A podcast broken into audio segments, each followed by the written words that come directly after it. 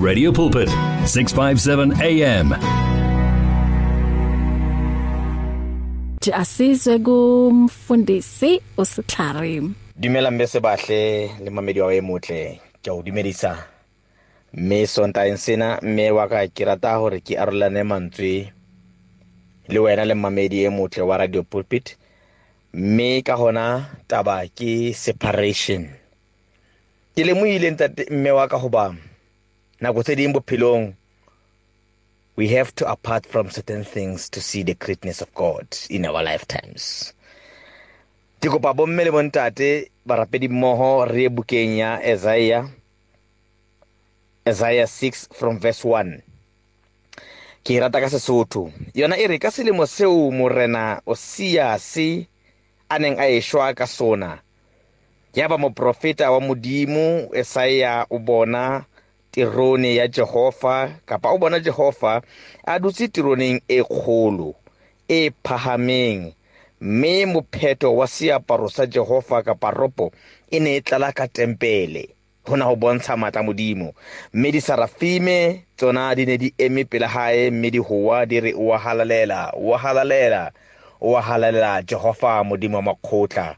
Lefatshe le lehodimo di tletse kgalalelo ya hao. Taba ya ka mme sebahle le mamedi motle wa radio pulpit la hao ke ena.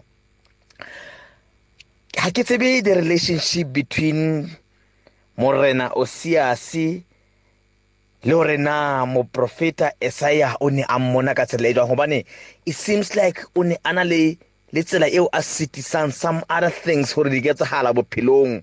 Ka nako ya Isaiah through his reign or his terms of rulership. Empa bibele e re ka selemo seo a neng a eshwa ka sona ya ba monna enwa kapa moprofeta enwa wa modimo o bona boholo ba modimo le tirone le alitare ya jehova. All i'm saying ke sometimes in life there are things that stop you that stop us to see the greatness and the glory of god in our lifetimes in our times. So sometimes we need to allow some other things to be moved away from us. Mohlomong ke re ho wena o sia se wa hao ke eng? What is your goal here? Ke eng se e stopa ho ka bona boholo ba Jehova. Ka veka bo e stopa ho ka bona boholo ba morena bophelong ba hao. What what what what prevents you from the seeing uh, from you to see the movements of God in your life? Re tsa dintshwelelo tse gore ke medingwana maphelong a rona. Empa those things di re tima monyetla wa go bona boholo ba modimo. Le gantse le re after this guy has died of that king is passed on then the prophet of god he saw he saw the great vision of the kingdom of the throne of the Lord. Impa ditamorao tsa monna le mosadi ya dumelang ho tlosa tshita kapa dintho tseo di mo sitare ka thola bukeng ya hae eh prophet Isaiah eh, from verse 11 eh chapter 11 ngasa ka verse 2 iona ere when when you have allowed all these things this suitable how? Ha o tlosa modingwana ona o a o sitang ho ka bona boholo le a letare ya modimo. These are some of the results ya motho ya amohelang you know i don't know maybe maybe it could be alcohol maybe it could be sexual immorality maybe it could be maybe it could be any secrets maybe it could be any hatred. Maybe you don't forgive people. That thing maybe is the one that provide prohibited you or, or that you sit around that become a hinderer that make you not to see the greatness of God. Once you have moved that maybe you can run to the book of uh, Isaiah 11 now and see what could be the results.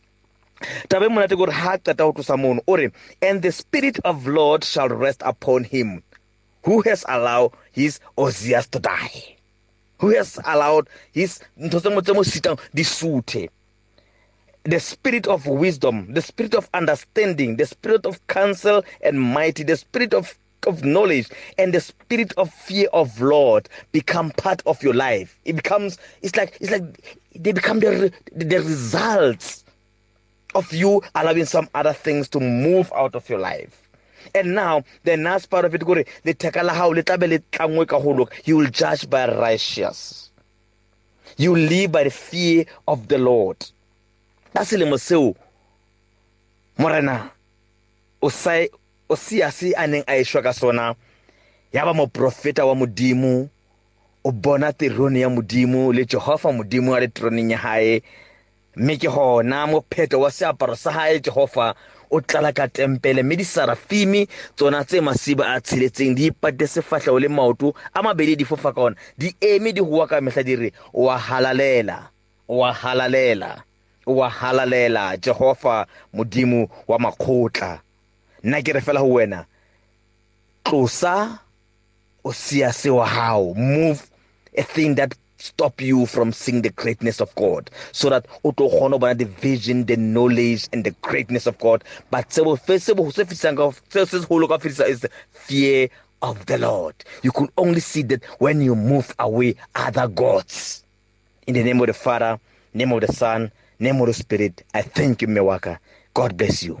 Amen. Amen. Rele boga moruti setlhare ngempela ukuqala kokuhlakanipha kokumesaba um uJehova asifunde la e WhatsApp eh angazi ukuthi ubani oyithumele akashongo nje igama uthi happy sunday sister Bahle and the family of Radio Pulpit muhle uNkulunkulu wethu bazalwane eh, nokugcinwa esandleni somusa Our family is just getting bigger and bigger. Welcome to 657 AM.